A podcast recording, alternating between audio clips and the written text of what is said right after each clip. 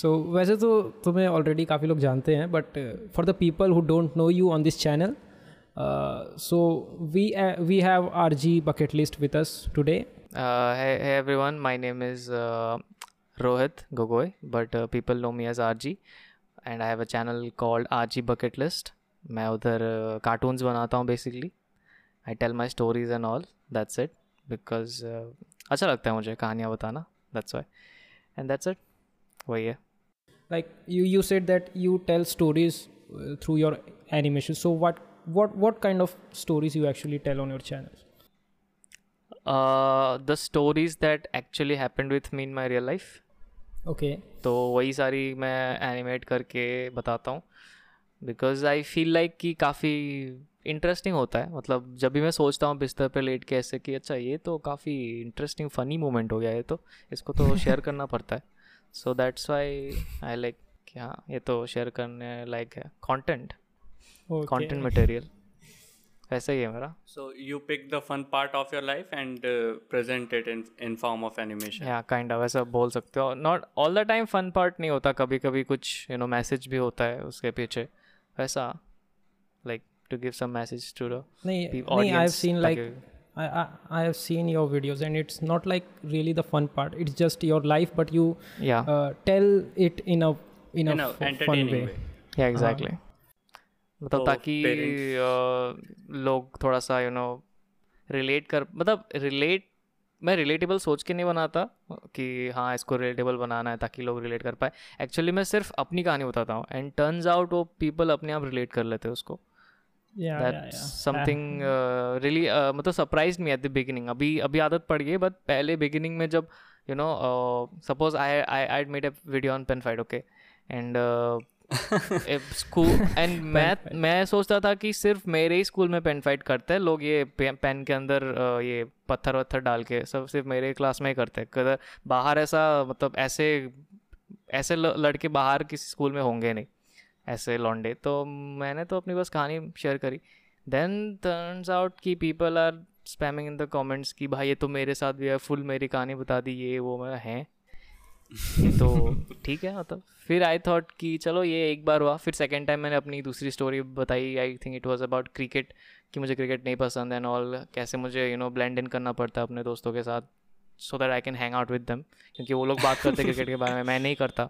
मुझे नहीं आता। Yeah, मैं. बैंटन के बारे में बात करना चाहता हूँ वो लोग नहीं करते मेरे साथ बात।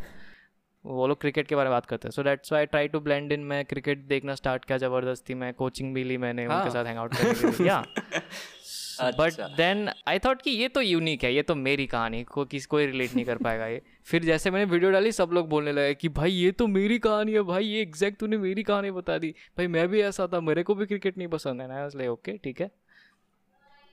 एक्चुअली लोग मुझे भी क्रिकेट पसंद नहीं है और सी सी देखो ये ये एक और निकल आया। नहीं नहीं लेकिन ऐसा नहीं है कि मैं उसके लिए फिर क्रिकेट देखना शुरू करूँगा नहीं, से पीपल मेरे क्लास में ऐसे थे मेजॉरिटी सारे लड़कियों के साथ तो मैं वैसे भी बात नहीं कर सकता ना टिफ़िन टाइम के वक्त। ऑब्वियसली लड़कों के साथ ही बात करना पड़ेगा तो लड़के जितने भी थे सारे क्रिकेट के बारे में बात करते हैं और specially during IPL season IPL जैसे स्टार्ट हो हाँ, गया ये इधर मुंबई तो इंडियंस मुंबई इंडियंस ये चेन्नई सुपर किंग्स ये सब करते रहते हैं। फिर मैं जाके उधर बात करने जाता हूँ ह्यूमंगस और का ये देखा ट्रांसफॉर्मेशन देखा तुम लोगों ने? बोलता हूँ कुछ मतलब भाव ही नहीं देते। इसलिए वो करना उस पड़ता है। की बात होगी ना 2012 13 14 Exactly. करीब। मे, मे, मेरे मेरे साथ मेरे साथ भी होता है था वही तो अभी अभी जैसे कि we are gathering because we have same interest somehow तुम लोग भी एनिमे कंज्यूम करते हो मैं भी कंज्यूम करता हूँ। वो ऑल लाइक एनिमे बहुत पसंद है। दैट्स वाई सम पॉइंट वो थोड़ा सा मतलब आ जाता है। दैट्स वाई हम लोग आज एक साथ है बात कर रहे हैं ठीक है? तो वो चीज़ उस टाइम नहीं थी ना कि सेम इंटरेस्ट सबके पास नहीं होता सब सबके अलग अलग इंटरेस्ट होता है तो वैसा ही चीज़ तो तुमको आज तक कोई मिला जिससे तुम बेंटेन के बारे में बात कर पाए? एक दो मुश्किल से एक दो। एक बाकी दो. सारे इनफैक्ट वो भी वो भी क्रिकेट के फ़ैन ही है but because I talk to them about you know cartoons and stuff that's why they also you know tag along कभी कभी not like all the time मन रखने के लिए कर लेते हैं मेरे साथ। मन रखने जो भी देखते हैं। मैं तो बेन टेन का बहुत तगड़ा वाला फ़ैन रहा था। अप टू अप टू वहाँ तक। ओमनीवर्स जब तक शुरू हुआ था तो ओमनीवर्स मैंने स्टार्टिंग का थोड़ा देखा कुछ आर्क्स तक पर उसके बाद इंटरेस्ट लूज हो गया। ओके आ, पर बाकी पूरा देखा था मैंने बैन टेन अल्टीमेट वाला जो था अल्टीमेट ट्रिक्स मैंने भी ओमनिवर्स तक ही देखा है। ओमनिवर्स फिर अ, ये जो किड्स वाला आया था ना एक वो तो वो भी से तो देखा है बट वो इतना चला गया। हाँ डाउन हिल चला गया बट इतना नहीं देखा बट कुछ कुछ मोमेंट्स अच्छे थे उसके। तो कभी कभी देख लेता था उस टाइम अभी तो नहीं देखता बेसिकली हाँ वो रीबूट काइंड ऑफ़ था ना उसका बेंटेन Reboot, हाँ, was ओमनीवर्स हाँ। ओमनीवर्स अपने आप में भी रीबूट ही था। उस उसने यूनिवर्स तो हम्म। काफ़ी एक्सपेंड किया बट जो जो एक सीरियसनेस थी वो थोड़ी सी खत्म हो गई वहाँ के बाद से। हाँ वो एक्चुअली वो किड्स के लिए है स्पेसिफिकली किड्स के लिए। उसमें ब्लड शेड्स नहीं है मतलब ऐसा यू नो क्या बोलते हैं पीजी थर्टीन था वो दैट्स वाई ब्लड शेड्स तो आई डोंट थिंक पूरे बेंटेन में कहीं पर भी होगा। है think- ओमनिवर्स में है अल्टीमेट एलियन में भी है। वो इफ़ यू शायद शायद शायद टीवी पर सेंसर कर दिया होगा। I don't think I have seen that Omniverse तो मैंने टोटली दूसरे वेबसाइट पे देखा है मैंने। टीवी पे कम ही देखा है TV अल्टीमेट ट्रिक्स वाली जो आर्क थी उसमें तो डेथ्स हुई थी। हाँ मतलब ब्लड शेड्स तो थे इफ़ आई रिमेम्बर टीवी में भी थे दिखाए थे ब्लड शेड्स बट ये जो नया वाला रिबूट है उस पर टोटली मतलब वो सारी चीज़ें हटा दी गई। वैसे कुछ है ही नहीं मतलब ऐसे सीन्स अगर होते भी है तो मतलब कट कर देते हैं सीन्स मतलब ऐसे पॉइंट पे कट करते हैं ताकि पता चले कि वहाँ पे कुछ हुआ है। चाकू वाकू घुस गया लेकिन हाँ। दिखाएँगे नहीं वो। Black screen cut to black black नहीं कोई दूसरा सीन चला देते हैं। किसी का रिएक्शन सीन चला देता है सपोज़ अच्छा, अच्छा। मुँह खुला हुआ ऐसा टाइप कुछ। Like the the first time I ever saw blood sheds in a animated show, it was Dragon Ball Z. So मुझे लगा so हाँ I, ju- I तो just, अ, अ, उसी से बोल सकते हो ना कि टीवी में वो दिखाते हैं। अब अब वो एपिसोड मेरे ख्याल से वापस चला भी नहीं सकते वो सेम ब्लड शेड के साथ। काट पीट के या कलर चेंज करके ऐसा शो करते हैं नहीं एक्चुअली 2016 इवन नारुतो में भी था इवन नारुतो में भी था हाँ। ब्लड शेड वाले जो भी सीन्स है वो सारे यू नो इधर एडिट करके हटा दिए गए या फिर यू नो कलर वगैरह चेंज कर दिया गया था। Just to air in TV that's why तो सा इतने मतलब Ben ten Alien Force Ultimate tricks वाला और ओमनिवर्स इन सब में से फेवरेट कौन सा रहा है तुम्हारा मेरा अ, यार ये थोड़ा सा मुश्किल है। अल्टीमेट एलियन तो पसंद है मेरे को बट यू नो ओमनिवर्स जब आया ना वो थोड़ा सा एक फ़ैन बॉय बना दिया उसने मेरे को। मतलब उस क्या बोलते हैं आर्क का। Omniverse I will keep Omniverse on top कुछ ज़्यादा ही पसंद आ गया मेरे को। उसका आर्ट स्टाइल आई ज़्यादा से ज़्यादा उसका आर्ट स्टाइल सबसे ज़्यादा पसंद आया मुझे। अच्छा। फिर अल्टीमेट एलियन पकड़ लो। पता नहीं क्यों मुझे सबसे अच्छा जो मैंने सबसे ज़्यादा एंजॉय किया वो मुझे एलियन फोर्स लगता है। हाँ एलियन फोर्स तो वो अलग ही नोस्टैल्जिया देता है Alien Force but you know Omniverse थोड़ा सा कुछ पता नहीं सबके पर्सनल हाँ, चॉइसेस वो मेरे थोड़े से प्रेफरेंसेस अलग है। और कुछ लोगों के लिए हाँ। ऑफ़ पुटिंग भी हो सकता है कुछ लोगों को वो एक नई चीज़ भी दे सकता है। हाँ। मुझे काफ़ी अच्छा लगा बिकॉज़ यू नो एग्जैजरेटेड नहीं था ओमनिवर्स पता है? The Humungousaur was not that huge okay? Hmm. मतलब एक अभी तुम अल्टीमेट एलियन में अगर देखोगे तो वहाँ का ह्यूमंगस और बड़ा तो है ही ऊपर से वो अपना साइज़ वेबिक के आसपास तक बड़ा कर सकता है। ठीक है? किसमें? ओमनिवर्स तो- किसमें ओमनिवर्स में नहीं अल्टीमेट एलियन और एलियन फोर्स दोनों में। नहीं नहीं वेबिक तो बहुत बड़ा हो गया उतना बड़ा नहीं होता है वो। वेबिक वेबिक ने उतना बड़ा नहीं होता है बट उसके आसपास थोड़ा सा होता है वो बड़ा। अच्छा, मतलब अ, मैंने पढ़ा है बट उस अ, दिखाया तो एक दो बार ही था शायद जब वो बड़ा कर सकता अपने साइज़ को। वो एक दो बार ही दिखाया था शायद बट एक्चुअली जो ओमनिवर्स की सीरीज़ है उसमें बड़ा नहीं होता इतना ठीक है? एंड वो उसी साइज़ में रहता है। एंड काफ़ी छोटा सा भी है मतलब एक परफेक्ट साइज़ बोल सकते हो मतलब कुछ ज़्यादा एग्जैजरेटेड नहीं है उसमें कि बहुत बड़ा बना दिया एकदम ह्यूमंगस और है तो वैसा नहीं है मतलब। तो अच्छा लगा मुझे वो सारी चीज़ें। एंड काफ़ी आर्ट स्टाइल की वजह से भी पसंद आई थोड़े एलियंस अलग दिखते हैं तो काफ़ी अच्छा लगा हाँ हाँ ये चीज़ तो उसमें एक न्यूनेस तो थी। हाँ एग्जैक्टली म- और बहुत मतलब जैसे मैंने कहा यूनिवर्स एक्सपेंड हुआ। बेन टेन के भी हमने नए एलियंस देखे और नए प्लैनेट्स और नए तरह के और एलियंस भी देखे। एग्जैक्टली या एंड ओमनिवर्स में एक चीज़ बहुत यूनिक है कि वहाँ पे एलियन एक्स एक्चुअली यूज़ होता है। और uh, उस पर एक बार नहीं लाइक like, तीन चार बार यूज़ हुआ है ओमनिवर्स में एलियन एक्स और लास्ट के सीज़न में तो काफ़ी बार uh, उसने यूज़ एकदम फाइटिंग के लिए यूज़ किया है एलियन एक्स को। तो that is something you know Ultimate Alien और एलियन फोर्स ने नहीं दे पाया। तो या हाँ, वो भी है। मैंने ओमनीवर्स उतना आगे देखा नहीं। मैं शुरुआत की कुछ आर्क्स देखी फिर उसके बाद छोड़ दिया। पर जब तक अल्टीमेट ट्रिक्स वाला चल रहा था मैं हर फ्राइडे हर एपिसोड देखता था। यू नो टीवी पे कीप अप रखना बहुत मुश्किल होता है क्योंकि हाँ. कभी कभी सेम एपिसोड्स दो बार दिखा देते हैं so that's why I prefer watching on a site that's why Omniverse मैंने पूरा थोरोली देखा है स्टार्टिंग से एंड तक। अच्छा मुझे उतना एक्सेस नहीं था इंटरनेट उस टाइम पे तो मैं टीवी पर ही देखता था हर हफ़्ते।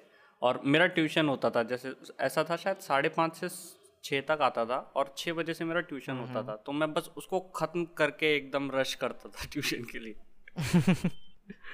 वही uh, मेरा भी ऐसा हुआ है सेम का साढ़े पाँच बजे आता था ना तो मिस भी हो जाता था कभी कभी कभी कभी यू नो आधा देख के जाना पड़ता था वैसा होता था मेरा।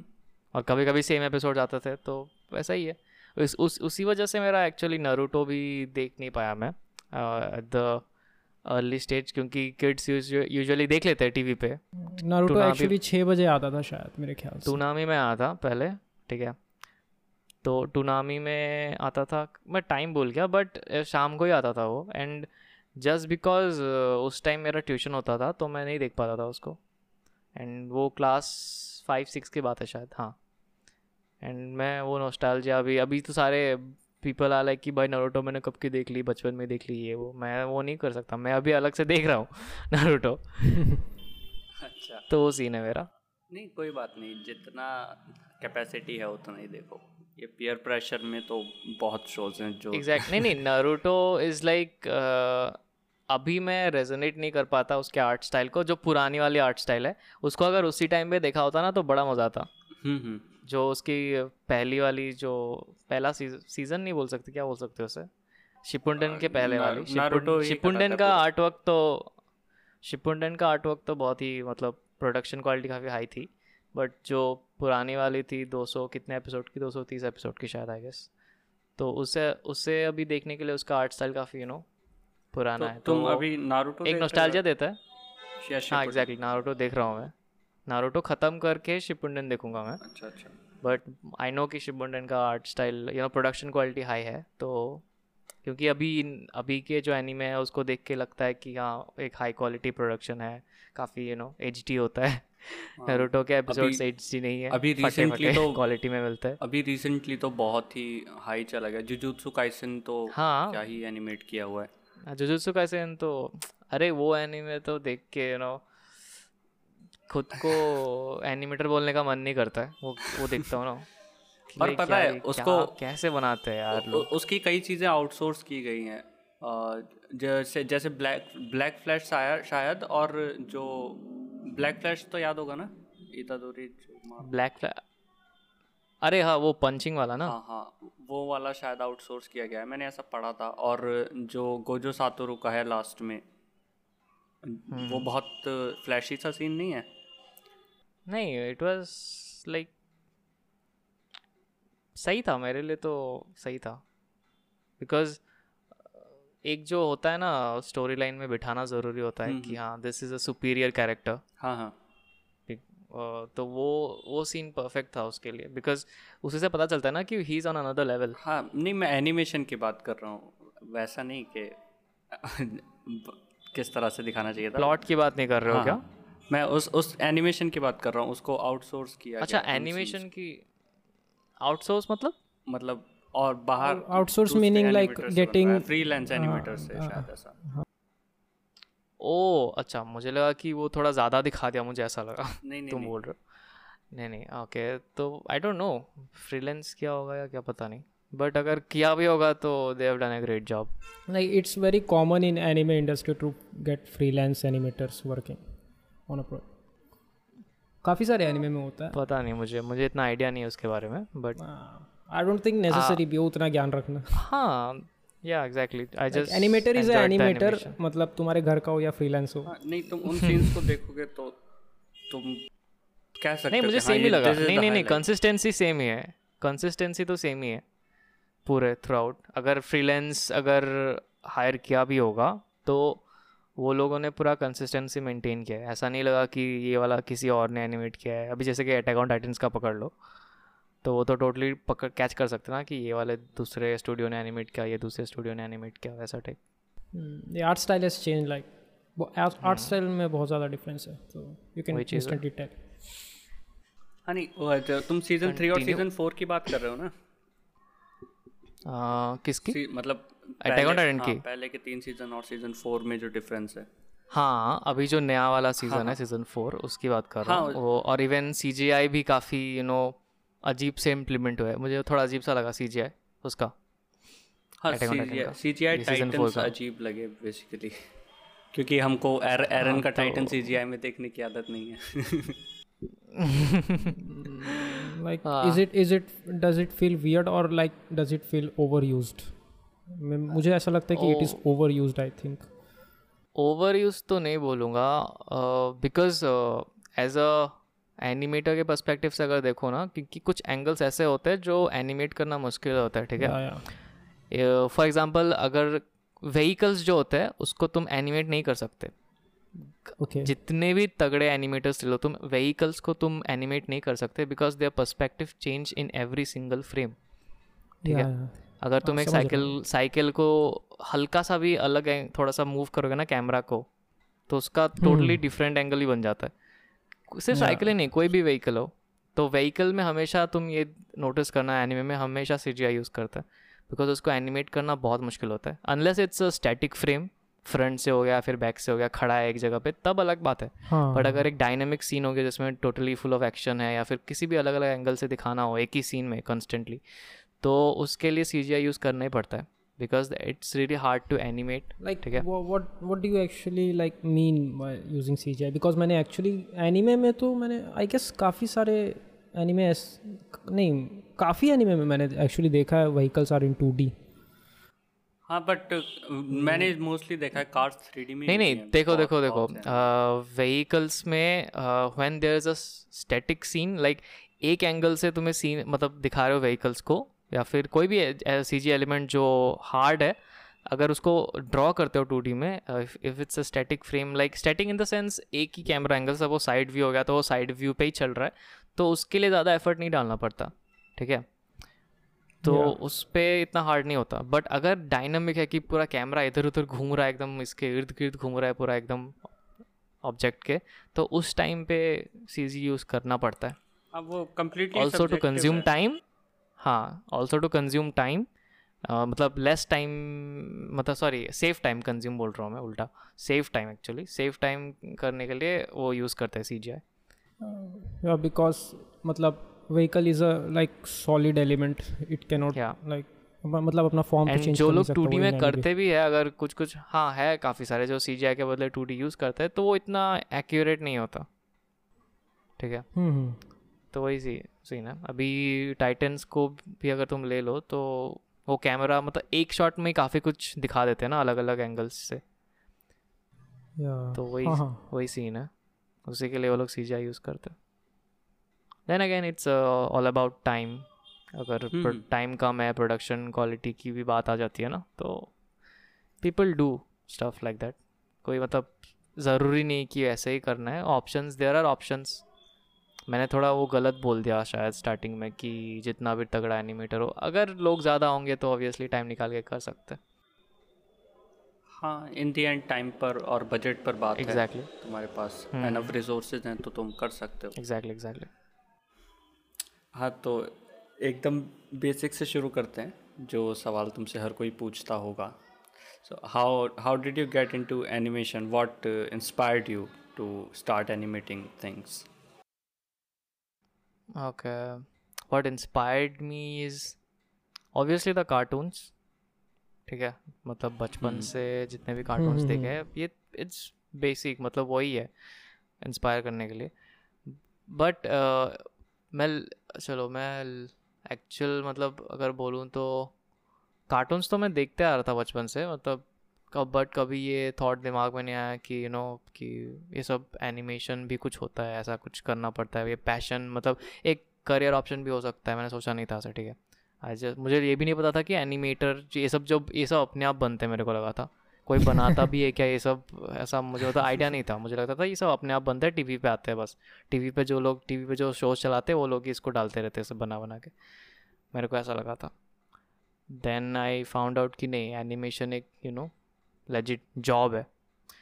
I I get to know about it when I was in seven standard there was this movie called How to Train Your Dragon हाँ. मैंने सेवन Okay, स्टैंडर्ड yeah, में yeah, उसका पार्ट वन देखा ठीक है? एंड वो मूवी देखने के बाद आई यू नो एक स्पार्क सा हो गया मेरे अंदर कि ये हाँ। बना कैसे रहे ये लोग? मतलब ये सब।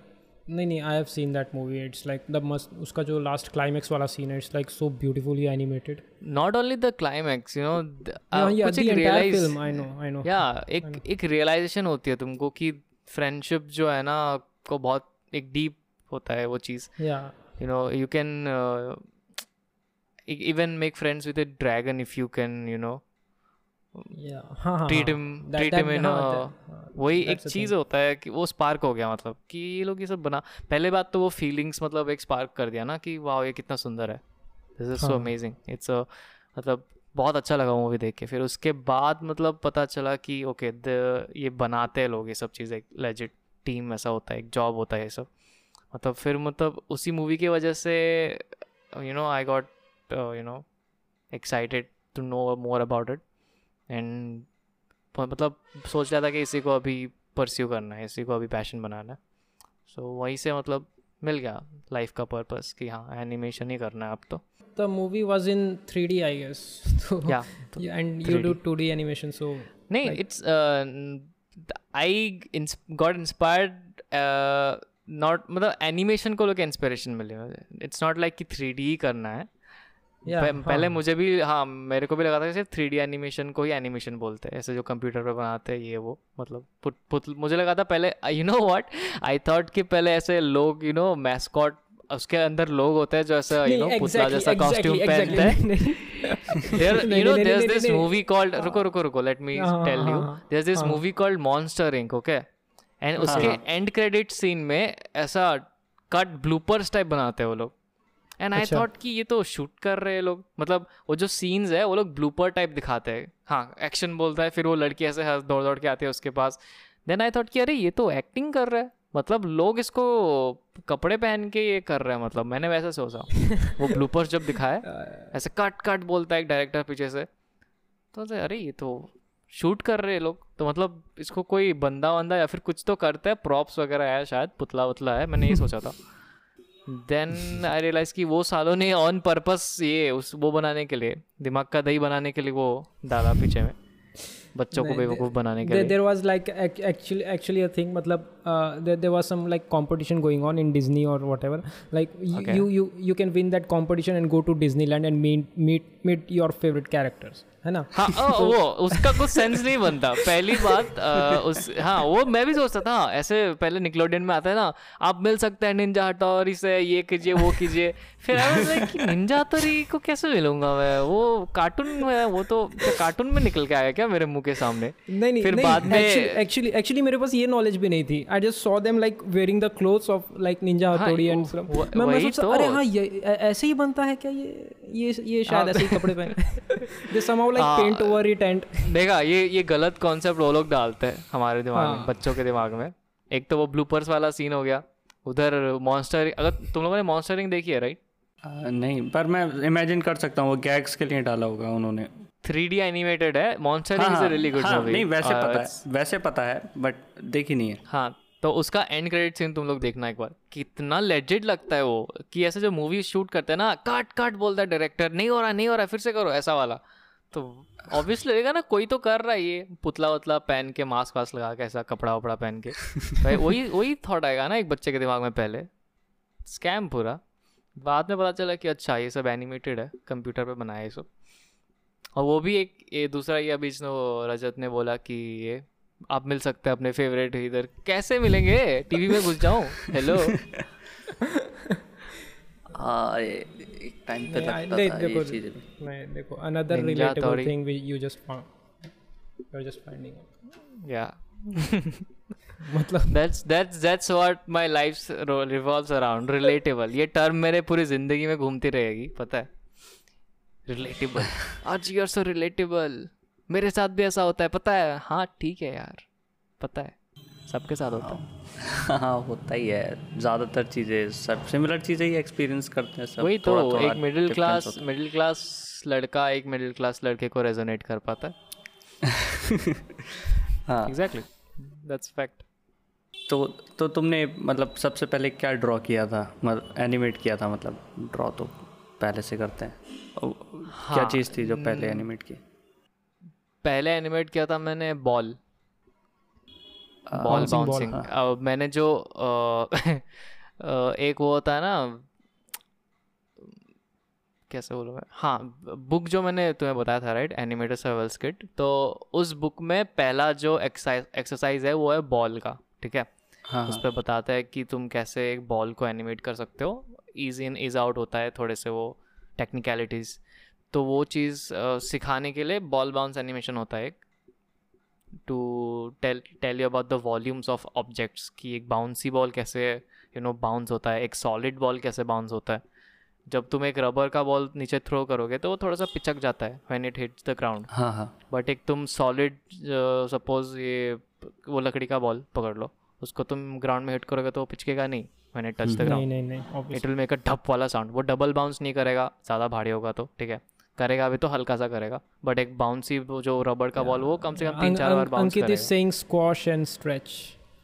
हाँ वही एग्जैक्ट हम मैं वो वो टर्म नहीं यूज़ कर रहा हूँ तुम लोग को समझ में नहीं आएगा नहीं तो इसलिए मैं टेक्निकल टर्म्स यूज़ नहीं कर रहा हूँ मैं ऐसे यू नो नॉर्मल भाषा में बोलने की कोशिश कर रहा हूँ तो वही हाँ, हाँ। मैं एक दिन थोड़ा सा ऐसे फ्लो फ्लो में बकने लग गया वो टेक्निकल टर्म्स तो लोग बोल रहे are ji speaking the language of gods मैंने को लगा ठीक है भाई नहीं बोल रहा आराम से बोलूँगा नॉर्मल भाषा में बोलता हूँ तो इसलिए मैं वो टेक्निकल टर्म्स यूज़ नहीं कर रहा, उसको स्क्वाश एंड ही बोलते वही चीज़ है। तो पहले मैंने बॉल बाउंस से स्टार्ट किया एनिमेशन कि हाँ एक बेसिक बॉल से करते हैं। पेपर पे किया मैंने stop motion there a technical stop motion तुम वो यूज़ करके कर सकते हो। मेरे पास सॉफ्टवेयर्स वगैरह नहीं थे। पीसी का पीसी था मतलब बट उसका स्पेसिफिकेशन अच्छा नहीं था। उस पर तुम सॉफ्टवेयर से नहीं कर सकते एनिमेशन नहीं कर सकते it was difficult one GB B RAM था रैम था उसमें हाँ। तो पेपर पे ही करना पड़ा मुझे। एंड एक फ़ोन पे ऐप था स्टॉप मोशन करके तो उस पर तुम यू नो पिक्चर्स क्लिक कर सकते हो एक एक frame run it on particular F P S twelve twenty four जो भी तुमको। तो मैंने उस ऐप से स्टार्ट किया बॉल बाउंस वगैरह वहाँ पे स्टार्ट किया वॉक साइकिल फिर मैंने टू थाउज़ेंड सिक्सटीन में आ गया हाँ टू थाउज़ेंड सिक्सटीन तब मैं शायद क्लास एलेवेंथ में था। एलेवेंथ या ट्वेल्थ में था पता नहीं मुझे याद नहीं। तो उसी टाइम मैंने ये वाला बनाया था एक कैरेक्टर एनिमेशन बनाया था बॉल के साथ। तो वो मैंने अपलोड किया था अपने यूट्यूब पे ठीक है? इलेवेंथ में शायद हाँ इलेवेंथ में ही था। इलेवेंथ में ही खोला था मैंने यूट्यूब चैनल शायद। तो उसी टाइम अपलोड किया था एंड वो अभी भी है चैनल पे तुम लोग जाके चेक कर सकते हो। तो वही से अच्छा। स्टार्ट किया था मैंने एनिमेशन पेपर पे। हाँ ये ये तो मैंने सुना था तुम अ, कहीं के तुमने पे फ्लिप फ्लिप बुक एनिमेशन से स्टार्ट किया था ऐसा? वो फ्लिप बुक फ्लिप बुक नहीं बोल सकते फ्लिप बुक वो होता है पता है जब तुम एक पेज को यू नो रैपिडली फ्लिप करते हो एक एक स्पीड पे तुम जब फ्लिप करते हो then it gives an illusion of the हाँ, तुम जब ड्रॉ करोगे एक पेज के कॉर्नर पे या फिर एक पेज पे छोटे छोटे बुक्स होते हैं फ्लिप कर सकते हो फुल स्पीड में। तो उस पर ड्रॉ हाँ। करने से if you flip it in a perfect time तो वो एक इल्यूजन क्रिएट करता है कि वो ऑब्जेक्ट मूव कर रहा है या फिर जो भी तुमने बनाया है उसको तुम उसमें लाइफ डाल सकते हो you can put life in it तो मूविंग होता है अच्छा लगता है तो वो उसको फ्लिप बुक बोलते हैं। काफ़ी लोग करते हैं फ्लिप बुक बट मेरा जो टेक्निक था वो स्टॉप मोशन बोल सकते हो। अच्छा। अच्छा एक एक ड्राइंग किया फिर पिक्चर क्लिक करी फिर दूसरा ड्राइंग बनाया फिर उसको क्लिक किया ऐसे ऐसे उसको स्टॉप मोशन बोलते हैं। हाँ हाँ हाँ। Like animating digitally and on flipbook are basically the same I guess. मतलब वहाँ पे हाँ, बस ही बोल होते हैं सकते यहाँ हाँ पे यहाँ हाँ, पे यहाँ पे होते हैं। एग्जैक्टली एग्जैक्टली वहाँ पे पेजेस होते हैं या सॉफ्टवेयर पे कैनवस होता है दैट्स इट हाँ।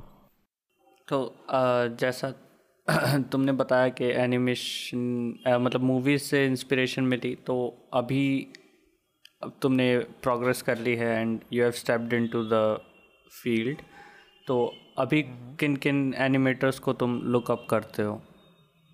अ, के मतलब किस किस तरह के सिर्फ़ डिज्नी टाइप या फिर एनिमे से भी? मैं एनिमे से बहुत इंस्पिरेशन लेता हूँ ओके मैं उनकी सिनेमाटोग्राफी का बहुत बड़ा फ़ैन हूँ पहली बात एनिमे का। The angles are so dynamic ठीक है? इवन वो जो बैकग्राउंड और फोरग्राउंड एलिमेंट्स को यूज़ करता है to show the depth of the scene वो चीज़ मैंने बहुत थोरोली स्टडी की है एनीमे को देख देख के। एंड ऑल्सो फ्रेम टाइमिंग वगैरह भी बहुत उनका ना एफ़ ही अलग होता है ठीक है? And I have found out कि वो लोग थर्टी एफ़ पे एनिमेट करते हैं। Unless it's you know you know तुम लोग को पता है एनिमे फ्लेक्स करने के लिए सिक्सटी एफ़ पे ड्रॉ करता है। जब भी कोई anime you know sixty F का सीन होता है ना तो वो सिर्फ़ फ्लैक्स करने के लिए वो नेसेसरी नहीं होता है। It can be shown in thirty but वो लोग फ्लैक्स करने के लिए ही सिक्सटी एफ़ पे यूज़ करते हैं। सिक्सटी एफ़ का एनिमेशन करता है। अभी जैसे कि डीमन स्लेयर हो गया उसका जेनित्सु का एक मोमेंट होता है स्टार्टिंग वाला जब उसका पावर अवेकन होता है। हाँ, हाँ. तो उसमें ना एक एंगल होता है वो पाव के नीचे से ऊपर तक जाता है उसका हाँ, मतलब हाँ, फेस हाँ, तक वो याद है। याद है याद है। वो सिक्सटी एफ़ पे बना वो नेसेसरी नहीं था उसको थर्टी एफ़ पे बना सकते थे वो लोग लेकिन उन लोगों ने सिक्सटी एफ़ पे बनाया ताकि वो दिखाना चाहते कि ये देखो हम तगड़े एनिमेटर्स है इधर ये प्रोडक्शन क्वालिटी हाई है इसकी। नहीं नहीं नहीं हाँ एक्चुअली वो एक एपिकनेस दिखाने के लिए करते हैं उसके उसके लिए एक्चुअली एक टर्म है it's called sakuga when like suddenly the animation quality goes up quality कैसे क्वालिटी नहीं बोल सकते उसको तुम। ना मतलब लाइक लाइक फ्लूइडिटी हाँ वो बोलते हो स्मूथनेस बोल सकते हो। हाँ। बट आई डोंट नो मैंने पढ़ा है ये चीज़ दैट्स आई एम सेइंग हाँ मैं मैंने रिसर्च किया था थोड़ा तब मुझे ये मैंने पढ़ा कि वो थोड़ा सा ऑन पर्पस करता है। अभी तुमने वो सीन मेंशन किया तो मुझे और सिमिलर सीन्स याद आ रहे हैं और like इन, तो वो ऑन पर्पस करते हैं। वो नेसेसरी नहीं होता बट वो लोग करते हैं फ्लैक्स करने के लिए। कि देखो हमारी स्टूडियो खतरनाक है ऐसा एनिमेशन कर देंगे हम लोग समझ रहे हो ऐसा वाला। एंड एंड ऑल्सो उस उसी तरह के यू नो मोमेंट्स एक स्टूडियो को पॉपुलर बनाता है। ठीक है कि हाँ ये स्टूडियो तो खतरनाक एनिमेशन करती है। अभी जैसे कि मापा हो गया ठीक है? हाँ, हाँ। मापा प्रोडक्शन आईजी तो वही सारी चीज़ें है ना। उसी एक स्टूडियो को यू नो यूनिक बनाता है यही सारी चीज़ें। मापा ने तो बहुत ही फ्लैक्स किया इस सीज़न वही तो। कि हाँ सी जी आई डालेंगे हम तो। सब सब थ्री डी बना देंगे। नाम का टू डी है बस। ओ, वो ए, एक बैटल का सीन था ना वो पौधे वाला मतलब ये जो 19 या एपिसोड 20 वाली फाइट थी वो पौधे वाला जो था हम्म। जब वो अपनी पावर अनलीश करता है और एक एक second are you guys really want talk about it because I might think कि ऑडियंस में से कोई तो होगा जो एओटी देखा नहीं होगा।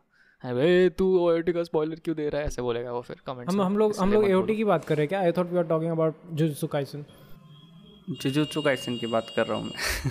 हाँ वही वही की बात कर रहे हो? अच्छा तो वो भी तो किसी ने नहीं देखा हो ना? There is always someone who is who has not seen that ऐसा तो ऐसा तो हमेशा होता है। ऐसे तो फिर हम किसी एनिमे की बात करेंगे भाई मैंने नहीं देखा यार जुजुत्सु काइसन तुम ऑडियंस की क्या ही बात कर रहे हो? तो वही वही तो बात हुई ना तो चलो चलो मैं ज़्यादा बोलता नहीं एनिमे के बारे में। नहीं तो देर आर पीपल ए तू कैसे बोल रहा है? मैंने नहीं देखा अभी तक। भाई तू मत सुनना यार सीधी बात। वही स्किप कर दो वाला पार्ट चलो एनिमे की बात छोड़ते हैं। तुम अपनी वीडियोस को प्लान कैसे करते हो पूरा? मतलब क्या प्रोसेस रहता है? uh, मेरा प्रोसेस बहुत ही वियर्ड है। मेरा प्रोसेस कभी भी फॉलो मत करना। अगर कोई देख रहा है जो यू नो अपकमिंग एनिमेटर्स मेरा प्रोसेस बिल्कुल भी फॉलो मत करना। एकदम uh, बहुत ही दिमाग ख़राब हो जाएगा तुम्हारा मेरा प्रोसेस सुन के। मेरा पहली बात तो मैं स्टोरी बोर्ड नहीं करता। You know the most important thing in an animation is story boarding ठीक है? और ऊपर से मैं इतनी लंबे लंबे वीडियोस बनाता हूँ कहानियाँ बताता हूँ तो उस पर स्टोरी बोर्डिंग मस्त होता है नेसेसरी होता है। लेजिट लोग करते हैं। मैं नहीं करता पता नहीं क्यों नहीं करता मेरे को टाइम वेस्ट लगता है। मैं दिमाग में सोचता हूँ सीन्स ठीक है? सीन्स जितने भी है सब दिमाग में सोचता हूँ कि हाँ ऐसे एंगल्स बनाऊँगा इधर से कैमरा होगा इधर से ये होगा। सब दिमाग में ही सोच कर रखता हूँ फिर जब एनिमेट करने का टाइम आता है तब भूल जाता हूँ। ठीक है? तो फिर से मैं सोचने लगता हूँ कि हाँ अरे इसको सोचा था कैसे? हाँ ऐसे सोचा था चलो ऐसे ही बना देता हूँ। फिर वैसा होता है मेरा। अब मैं मैंने वो चीज़ आज तक नहीं सुधारी। एंड आई टर्न्स आउट कुछ तो हो जाता है बाद में वो सीन अच्छा हो जाता है देखने में। अरे ये तो सही लग रहा है तो वैसा है मेरा। ठीक है? मैं सब दिमाग में सोच कर रखता हूँ कि हाँ इस सीन को इधर से बनाऊँगा। अभी थोड़ा मेरा मेमोरी ठीक ठीक हो गया है पहले से। जब अभी मैं सोचता हूँ ना स्क्रिप्ट राइटिंग के टाइम तो सोच वो वहाँ पे थोड़ा सा लिख देता हूँ कि हाँ कैमरा थोड़ा ऊपर की तरफ़ होगा ये थोड़ा सा लिख देता हूँ। तो स्क्रिप्ट में लिख देता हूँ मैं ब्रैकेट्स में। तो वैसे थोड़ा सा अभी ठीक हो गया है। बट मैं स्टोरी बोर्ड आज आज भी नहीं करता स्टोरी बोर्ड अभी शायद करूँगा भी नहीं। फ्यूचर में अगर कोई बड़ी सी टीम होगी तब वो लोग अगर ज़बरदस्ती करेंगे तो कर लो। लेकिन मैं तो नहीं करने वाला स्टोरी बोर्ड मैं वैसे करता हूँ। बट यूजुअली लोग स्टोरी बोर्ड करते हैं ठीक है? स्क्रिप्टिंग करते हैं स्टोरी बोर्ड करते हैं। बट मेरा प्रोसेस है कि सबसे पहले मैं स्क्रिप्टिंग करता हूँ ठीक है? उसके बाद मैं क्या बोलते हैं उसको? एनिमेशन स्टार्ट करता हूँ। एनिमेशन दिमाग में सोचता हूँ सोच सोच के सारे सीन्स कर लेता हूँ। फिर उसके और मेरा जो प्रोसेस यूजुअली क्या करते हैं लोग एनिमेटर्स जो है वो स्क्रिप्टिंग के बाद वॉइस ओवर कर लेते हैं। स्क्रिप्टिंग हो गई वो लोग वॉइस ओवर कर लेते हैं रिकॉर्डिंग भी कर लेते हैं कि हाँ पे इस ऑडियो के साथ साथ डालते जाएँगे हाँ हाँ। एनिमेट करते जाएँगे। लेकिन मेरा क्या है मैं ऑडियो तभी रिकॉर्ड करता हूँ जब वो सीन रेडी हो जाता है। सपोज़ एक सीन में दो कैरेक्टर्स के वॉइस है तो वो सीन पहले मैं रेड कम्प्लीटली रेडी कर लूँगा। माउथ शेप्स वगैरह बना लूँगा कैरेक्टर प्लेसमेंट कर लूँगा सीन पूरा सिनेरियो जो भी है बैकग्राउंड एलिमेंट जो भी है सब रेडी कर लूँगा पूरा सीन बस जैसे ही मेरा सीन रेडी होगा मैं फिर रिकॉर्डिंग स्टार्ट करता हूँ अपने ऑडियो का। अ, फिर उसके बाद वो ऑडियो पुट करता हूँ फिर उस ऑडियो के हिसाब से लिप सिंक करता हूँ मैं वैसे। तो मेरा वो प्रोसेस होता है। पहले स्क्रिप्टिंग अच्छा हाँ हाँ हाँ। नहीं नहीं नहीं वो, वो नहीं।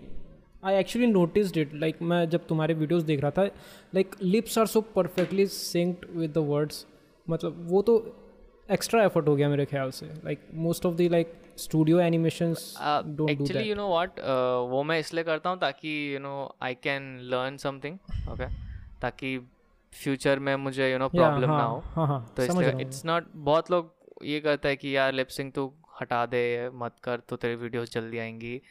I know it takes a lot of time but वही तो तुमको स्टैंड आउट कराता है ना? थोड़ा अलग बनाता है यू यू हाँ you just choose to not limit your exactly तो उससे अगर मैं हाँ प्रोडक्ट हो जाएगी थोड़ी सी यू नो जल्दी वीडियो बन जाएगी थोड़ी सी बट सीखूँगा नहीं ना मैं।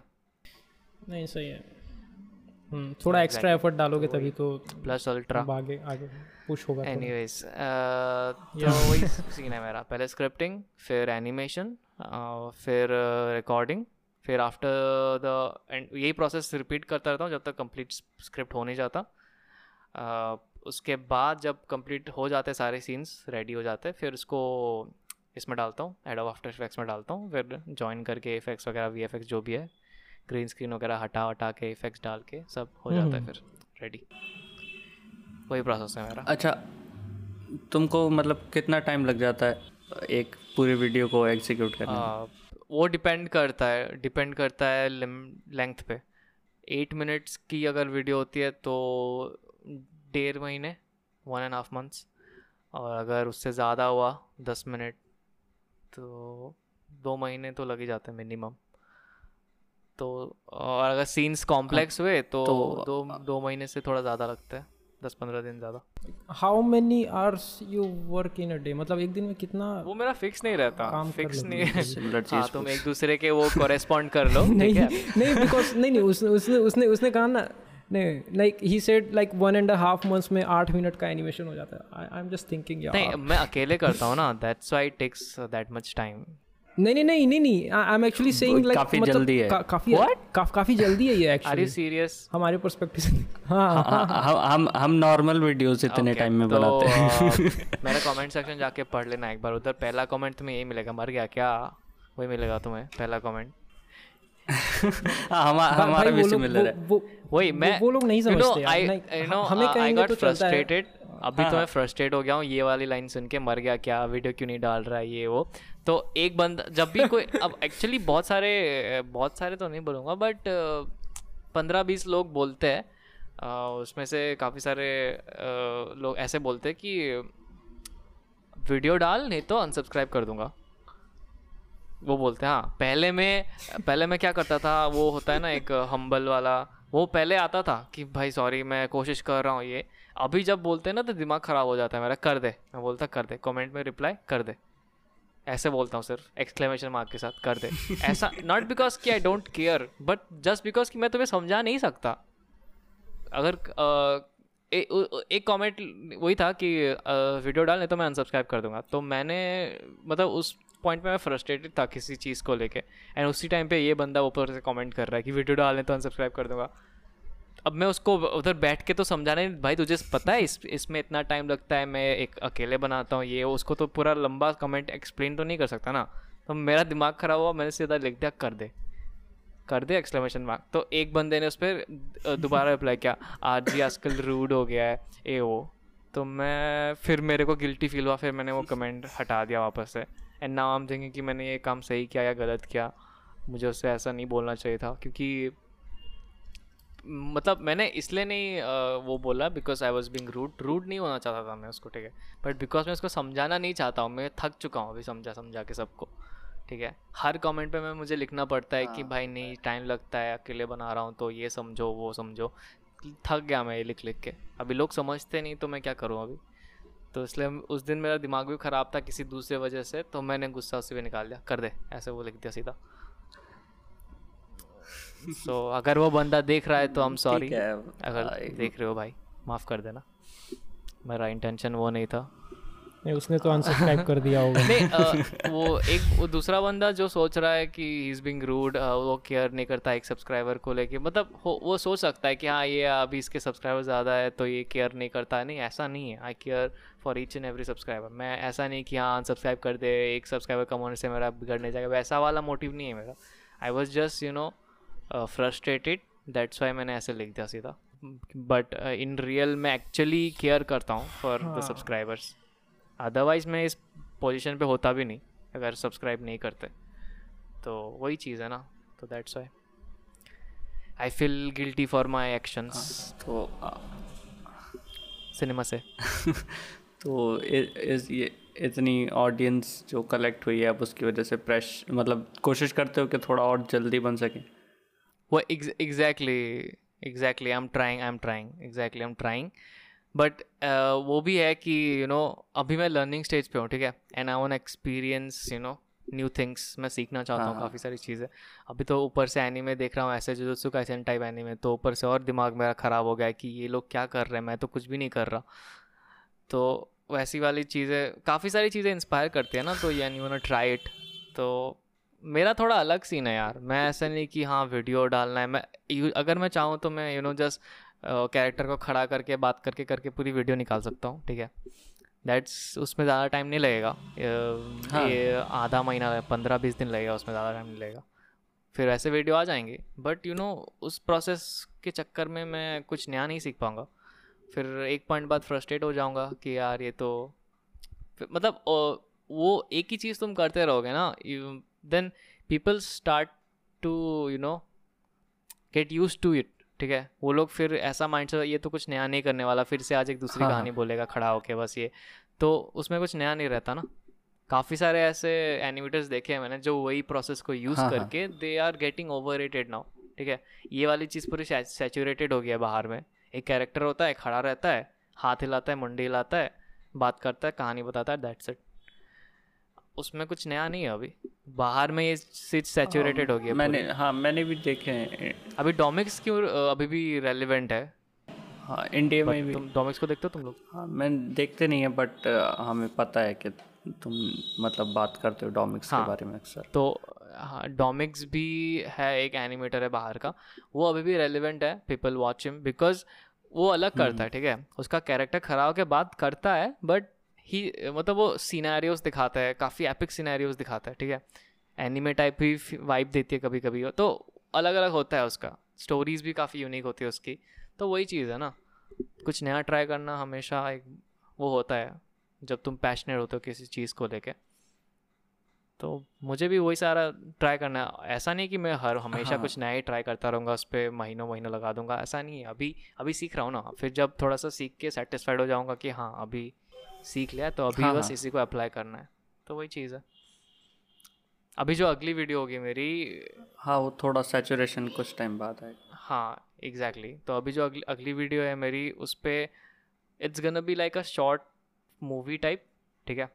मैं एक्चुअली डिटेलिंग में ध्यान दे रहा हूँ ज़्यादा। हम्म, हम्म। ठीक है? एनिमेशन तो एनिमेशन ही है ऊपर से यू नो बैकग्राउंड्स वगैरह भी हो गए तो उस चीज़ पे ज़्यादा ध्यान दे रहा हूँ मैं एंड स्टोरी लाइन भी है। तो थोड़ा सा टाइम लगेगा उस पर आई डोंट नो कब तक होगा। अच्छा ये वही है क्या जिसकी हाँ, अभी exactly. स्ट्रीम की थी? हाँ हाँ एग्जैक्टली दो exactly. तीन दिन पहले। सो so, उसी पे काम कर रहा हूँ मैं अभी and I am not sure ये कब तक आएगा। So is it like inspired from the works of Makoto Shinkai exactly exactly title ऐसा ही था। मैं री- मुझे ना इस टाइप की मूवीज़ काफ़ी पसंद आती है जैसे कि विस्कर्स अवे हो गया फिर किमिनो नावा हो गया। फिर weathering with you hmm, hmm, और काफ़ी सारी है। तुम अगर उस पर देखोगे ना तब। Attention to detail is so high ठीक है? कैरेक्टर एनिमेशन तो है ही बट हम्म, हम्म। तुम बैकग्राउंड्स को ले लो ठीक है? टेक्सचर्स को ले लो। इवन जो पानी का रिफ्लेक्शन तक होता है उस पर पता है तुम्हें? हाँ हाँ हाँ। मतलब इतना अच्छे से करते ना वो लोग वो चीज़ तो मैं उसको देख के इंस्पायर नहीं हूँ तो क्या करूँ? हाँ उन तीनों तीनों मूवीज़ की एनिमेशन बहुत अच्छी है। कलरफुल है तुम देखोगे ना skies are so vibrant you know elements कितने वाइब्रेंट है। तो वो चीज़ एक हाँ हाँ। मतलब करने का मन करता है यार। अभी इधर इंडिया में समझते नहीं है लोग क्या करूँ मैं अभी। तो वही चीज़ है यार। हाँ कोई बात नहीं you just work on your craft अभी था मतलब कमेंट सेक्शन ही नहीं खोलता मैं डर के हमारे कमेंट्स खोलता हूँ तो बस यही कमेंट्स मार गया क्या? अभी यही है कमेंट्स बस। होता है होता है। अभी हमारा भी वो पॉइंट आ गया जब हम कमेंट्स उतना नहीं देखते। जब मेरा ऐसा होता है वीडियो जब मैं डालता हूँ तो दो दिन तीन दिन कमेंट देखता हूँ फिर भूल जाता हूँ अब नहीं देखने। मुझे तो डर लगता है भाई। नहीं मैं यूजुअली यूजुअली मेरा कॉन्फिडेंस तब रहता है जब वीडियो अपलोड हो जाती है। उसके बाद मैं कम से कम हाँ, एक महीने सबके कमेंट्स पढ़ूँगा ठीक है? रिएक्ट भी करूँगा रिप्लाई भी करूँगा बिकॉज़ तब तक लोगों के पेशेंस रहते हैं मुझे पता है। फिर उसके बाद लोग ये अनशंड बोलना चालू कर देते हैं कि वही है। तो कमेंट्स रीड अभी नहीं कर रहा बट जैसे वीडियो अपलोड हो जाएगी उसके बाद पूरा फुल कॉन्फिडेंट में रीड करूँगा।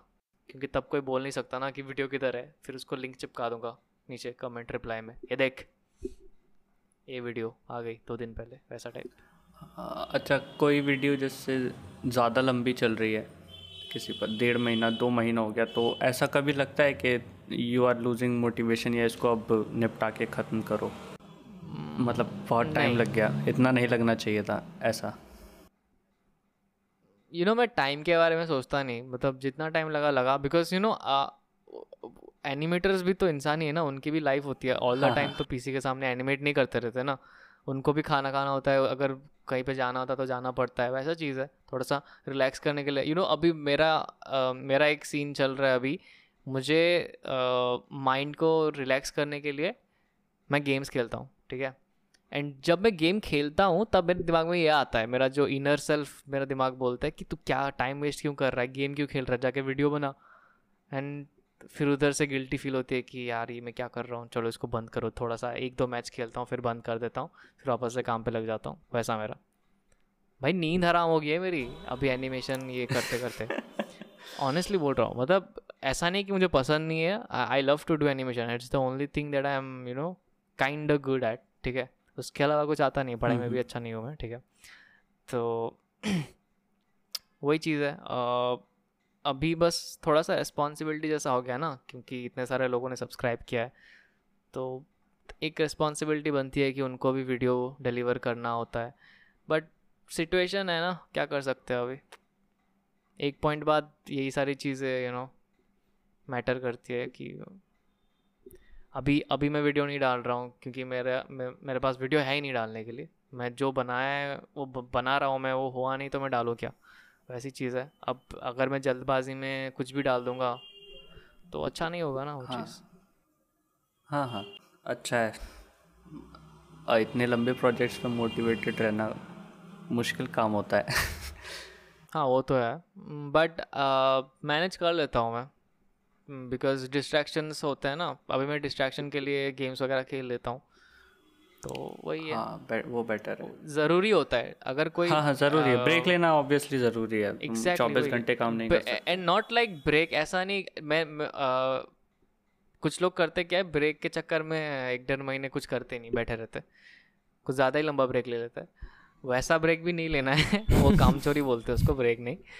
तो वैसा ब्रेक नहीं लेना है। वो एक हफ़्ता इज़ गुड अमाउंट बट वो भी काम के बाद ठीक है अगर काम हो गया फिर उसके बाद हाँ, एक हाँ। हफ़्ता ब्रेक लेना इज़ गुड बट काम के दौरान एक हफ़्ता ब्रेक मत लेना है। काम के दौरान लाइक थोड़ा सा एक, एक दो घंटे दो तीन घंटे ब्रेक ले लिया वो ठीक ठीक है कोई दिक्कत नहीं। हाँ वैसा। तो आ, ए, मतलब एनिमे में तुम्हारी आ, इंट, तुम्हारा इंटरेस्ट कब शुरू हुआ? मतलब एक्टिवली एनिमे कब देखना शुरू किया? एक्टिवली एनिमे तो यू नो एक्टिवली कैसे एक्टिवली तो वैसे होगा ना जब तुम कॉन्स्टेंटली रेगुलरली देखना चालू किया वही होगा हम नहीं नहीं मतलब ऐसा कि अब तुमको पता है मतलब एक वो टाइम था मतलब जब हमको पता नहीं होता ये एनिमे है हम कुछ भी देख लेते हैं but now you know that it is तो एनिमे नहीं तो मैं सीधा ये बोलता ड्रैगन बॉल जी के बारे में बोलने वाला था मैं नहीं तो। खैर जो भी है।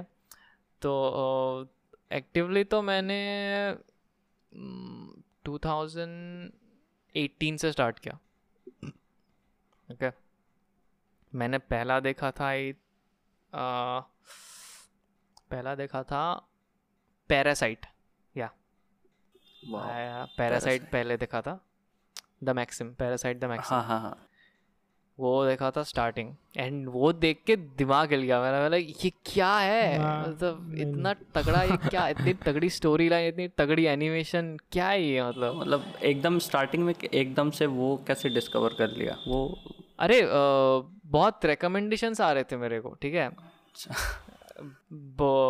Recommendation in the way like ये यूट्यूब पे सपोज़ कोई वीडियो खोल रहा हूँ। अच्छा अच्छा। अचानक से एक ए एम भी आ गई। ठीक है? या फिर कुछ एक यू नो एक्सप्लेनेशन वीडियो आ गया कुछ भी मतलब एनीमे से रिलेटेड काफ़ी कुछ आ रहे थे।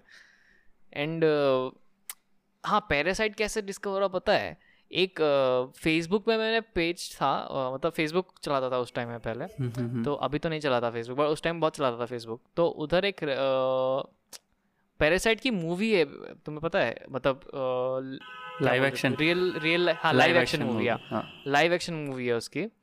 एंड उसका वी एफ़ एक्स देखे मैं पागल हो गया। एंड आई कि ये तो खतरनाक है। फिर मैंने पैरासाइट टाइप किया गूगल पे। अ, मैंने पहले नाम चेक किया उधर फेसबुक पे उसी पोस्ट पे लिखा हुआ था कौन सी मूवी है। तो मैंने वो नाम ली गूगल पे सर्च किया। And then I found out कि इसकी एनीमे भी है। एंड कार्टून वाली स्टाइल मुझे ज़्यादा पसंद आई। एंड आई थॉट कि कार्टून वाला ही देखता हूँ। फिर पता चला कि अच्छा तो ये एनीमे है। तो एनीमे के कौन से साइट है? मैं मेरे पास कोई साइट्स वगैरह नहीं थे किधर एनीमे देखते हैं ठीक है? फिर मैंने ऐसा सर्च किया ये वो थोड़ा सा रिसर्च करने के बाद मिला कि हाँ ऐसे ऐसे साइट्स हैं वहाँ पे देख सकते हो। फिर मैंने वहाँ पे अ, पहली बार ये वाला देखा पैरासाइट देन वो देखने के बाद बोकुनो एकेडमिया ठीक है? हम्म। तो पैरासाइट मेरा एक महीने में भी नहीं शायद बीस दिन में ख़त्म हो गया था पैरासाइट हाँ। तो उसके बाद माई हीरो एकेडमिया देखा फ़र्स्ट सीज़न तब हाँ। आई थिंक उस टाइम तो शायद वो एक या दो ही सीज़न आए होंगे 2018 नहीं थर्ड सीज़न स्टार्ट हो रहा था तब ठीक है? स्टार्ट हो रहा था। नहीं second season second season sorry second season start हो रहा था तब तब सेकेंड सीज़न स्टार्ट हो रहा था बट तब मैं फ़र्स्ट सीज़न स्टार्ट किया मैंने फिर। तो वही चीज़ है वहाँ से फिर लग गया। एडिक्शन यार ये तो ऐसे बहुत सारे हैं डिस्कवर करने अ, कौ, कौन से कौन से ईयर में एक्चुअली क्या कहा? 2018 2018 2018 में तो आई गेस थर्ड सीज़न चल रहा था माई हीरो एकेडमिया का।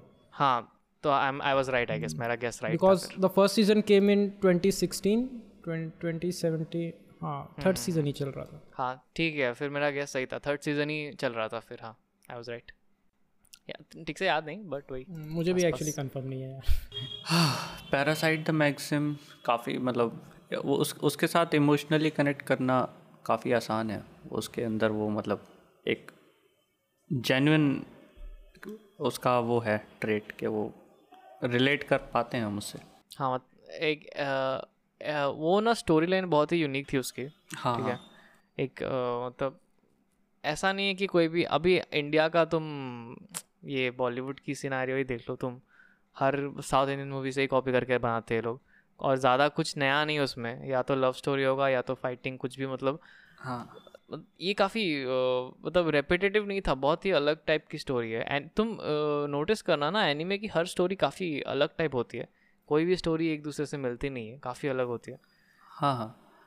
एक्चुअली वो चार एपिसोड तक तो ऐसे ही रहता है नॉर्मल एंड पाँचवें एपिसोड से it just turns upside down हाँ वो मद मदर के oh, हाँ, हाँ। नहीं देना सॉरी चलो नो स्पॉयलर्स अच्छा चलो ये छोड़ो रैपिड फायर कर लेते हैं। Rajat?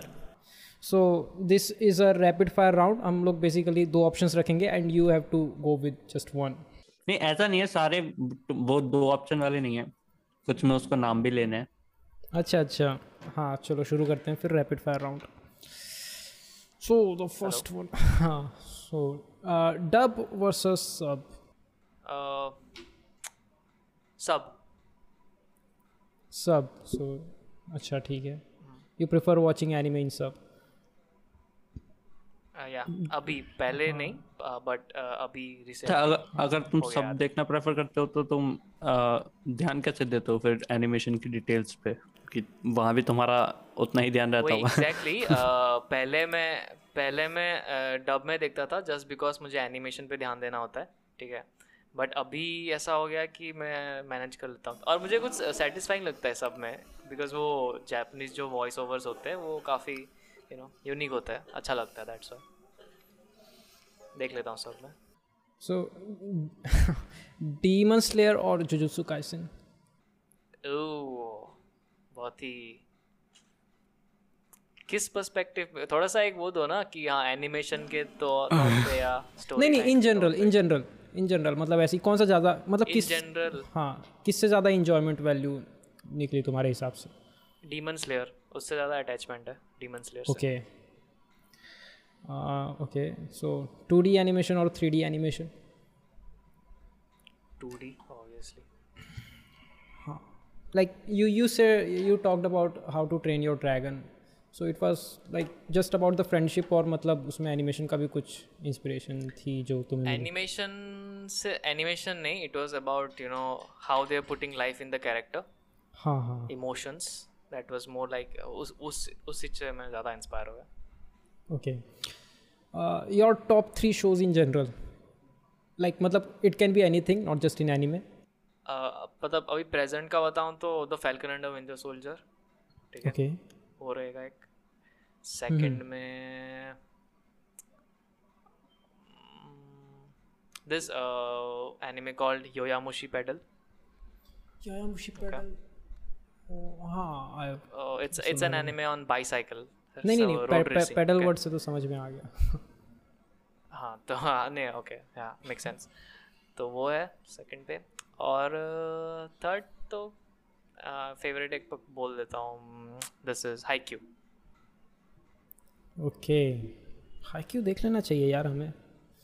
मैंने और तरुण दोनों ने नहीं देखा। नहीं देखा मुझे क्या? मुझे मुझे स्पोर्ट्स एनिमे देखने में पता नहीं इंटरेस्ट जाग नहीं रहा अरे है हाई क्यू देखो बहुत ही I would recommend you watch Haikyuu ठीक है? हाँ हाँ स्पोर्ट स्पोर्ट अगर देखना है तो सबसे पहली जो कंसिडरेशन होगी वो हाई हाँ, क्यू हाँ हाँ। नहीं I I get the vibes मुझे पता है वो किस टाइप का नॉट शो ओनली है। अबाउट स्पोर्ट्स इट्स लाइक हाँ it's not only about sports you know ये फ्रेंडशिप के ऊपर है बहुत and you know bonding you know understanding काफ़ी सारी ऐसी एलिमेंट्स है फन एलिमेंट्स भी है सिनेरियोज जब एक पैशन होता है तुम्हारे किसी चीज़ को लेके तुम कितना ट्राई हार्ड कर सकते हो वही चीज़ है। नहीं एक्चुअली हाई क्यू मैं देखना चाहता हूँ but like there is already a big list of things जो उससे पहले आती हैं। नहीं अगर कुछ मन करता है ना देख लो। मेरा ऐसा है यू नो मैं अभी नरूटो देख रहा हूँ but all of a sudden Yowamushi battle मुझे यू नो रिकमेंडेशन में मिला। ओके एंड आई थॉट क्या ये देख लेता हूँ. एंड अभी टर्न्स आउट नरूटो मेरा पेंडिंग में है। मेरा नरूटो अभी पेंडिंग में है और मैं योयामुशी बैटल देख रहा हूँ अभी। उसको ख़त्म करूँगा उसके बाद ही नरूटो बाकी का स्टार्ट कर कंटिन्यू करूँगा। वैसा है मेरा। एंड uh, ये मतलब जूम ये मीटिंग मतलब ये होस्ट होने से पहले भी मतलब अ, क्या बोलते हैं मैं वही देख रहा था। इसने मुझे ये पैट्रिक ने मेरे को मैसेज किया तो मैं आधे पे पॉज करके उसको जल्दी जल्दी कट करके आ गया। मतलब ये मेरा ब्रेक हाँ, टाइम था तो- खाना खाने के बाद तो मैंने सोचा हाँ इसी टाइम देख लेता हूँ फिर याद आ गया ओ अभी तो पॉडकास्ट भी करना है। फिर जल्दी जल्दी बंद किया। सा, सारे क्रिएटर्स एक जैसे ही होते हैं भूल जाते हैं चीज़। हाँ। मेरा भी ऐसा ही है। और रजत की तो बात ही मत करो। मैं मैं ज़्यादा लोड नहीं लेता यार सर पे। मैं कहता हूँ जब मन होगा तब काम करेंगे। कूल कूल एनिमे यार इसके लिए लोड क्यों लेना? जो भी अच्छा पसंद है एनीमे देखने की बात हो रही है फ्री क्या? टाइम मिले। वो तो मैं हार्डली दिन में एक एपिसोड देख पाता हूँ। अच्छा काफ़ी बिज़ी लगते हो। बिज़ी नहीं? हाँ कह सकते हो। जिम जिम्मेदारियाँ। ओके सो जॉब वगैरह कर रहे हो क्या? बच्चे संभालता है। ओके यार। So हाँ moving on uh, the next one is digital animation or traditional animation? Digital ज़्यादा कंफर्टेबल है वो। Like what is पहल, actually पहले तो ट्रेडिशनल करता था बट अभी तो अभी तो यू नो ज़माना बदल चुका है ना अभी तुम ट्रेडिशनल तो नहीं कर सकते हाँ हाँ हाँ। तो कर सकते हो but that's you know pain in the ass वाला प्रोसेस हो जाता है वो। तो अभी तो मतलब यूजुअली मेरा ये कंट्रोल और जी उंगली पे रहते ना मेरे। हाँ, हाँ, कुछ भी गलती होता है तो कंट्रोल जी दबा दो बस। एक लाइन भी गलत हो तो कंट्रोल जी अभी उधर उधर तो तुम नहीं कर सकते ना। उधर पेंट कर दिया अगर स्केच मार्क से बना दिया एक लाइन तो उसको तुम कंट्रोल जी नहीं कर सकते ना। निकालो दूसरा पेज फिर। वही है। The next one is from your मतलब तुम्हारा फेवरेट है ना My Hero Academia I guess yeah yeah exactly exact one of my favourites बोल सकते हो। वन ऑफ़ योर फेवरेट्स तो like choose between these three Deku Deku Bakugo और Todoroki यार अभी थोड़े से पहले अगर ये बहुत पहले पूछते ना तब मैं डेकू बोलता। बट अभी डेकू और बाकू को बीच में थोड़ा सा क्योंकि मैंने वो मूवी भी देख ली हीरो राइजिंग एंड अभी थोड़ा सा नहीं तो करेंट प्रेफरेंस ही मैटर करता है ना उस वही वही तो पॉइंट है Deku Deku. Deku it's fine Deku Deku you know दोनों के लिए बराबर amount of respect and love for those characters नहीं ठीक है हाँ। हाँ, वैसे भी बाकुगो के लिए लड़कियाँ काफ़ी हैं। सही है। बाकुगो की एज क्या नाइस नाइस नाइस अरे कुछ भी हो एनीथिंग उसका तो आज बर्थडे है ना right I don't know characters का बर्थडे क्यों होता है? क्रंची रोल में अ, मैं क्रंची कोई कोई मुझे पॉइंट समझ नहीं हाँ आ एग्जैक्टली कौन सेलिब्रेट करेगा? बर्थडे केक कौन काटेगा? कोई बताएगा मुझे? फैंस ऐसे मनाते हैं जैसे खुद का बर्थडे हो भाई। कोई केक काट रहा है तो हमें अरे वही तो अभी आज मतलब स्टोरी स्टोरी शेयर होती है। इस स्टोरी को देखेगा कौन? हाँ एग्जैक्टली क्रंची रोल पे बर्थडे है आज बक, बाकुगो का मुझे आज उधर से पता चला। बाकुगो का बर्थडे है। हम लाइक कार्टून है भाई वो क्या हेलो क्या करोगे तुम बर्थडे सेलिब्रेट करके इसका? किसको केक खिलाओगे? Okay all of a sudden silence हो गया। तो दैट्स इट क्या? हाँ दैट्स इट इतना ही था। तो बता दो ना फिर।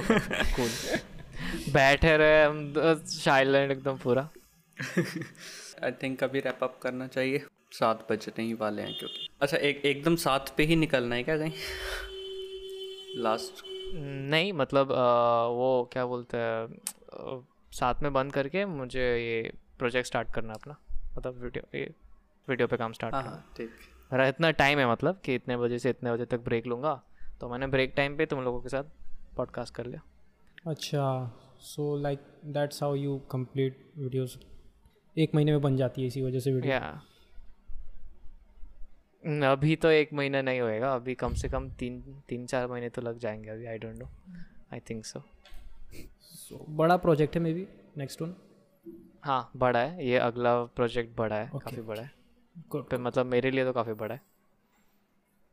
नहीं मतलब इवेंचुअली लोग उससे भी रिलेट कर जाएँगे आई गेस आई होप ना करे इस बार तो ना करे। ये तो भाई टोटली मतलब बहुत ही अलग है ये। हाँ, ऐसे तो नहीं होता। आई डोंट थिंक सो ये रिलेट कर अगर किसी ने बोला ना भाई ये तो मेरी ही कहानी है मैं उसको रिपोर्ट कर दूँगा।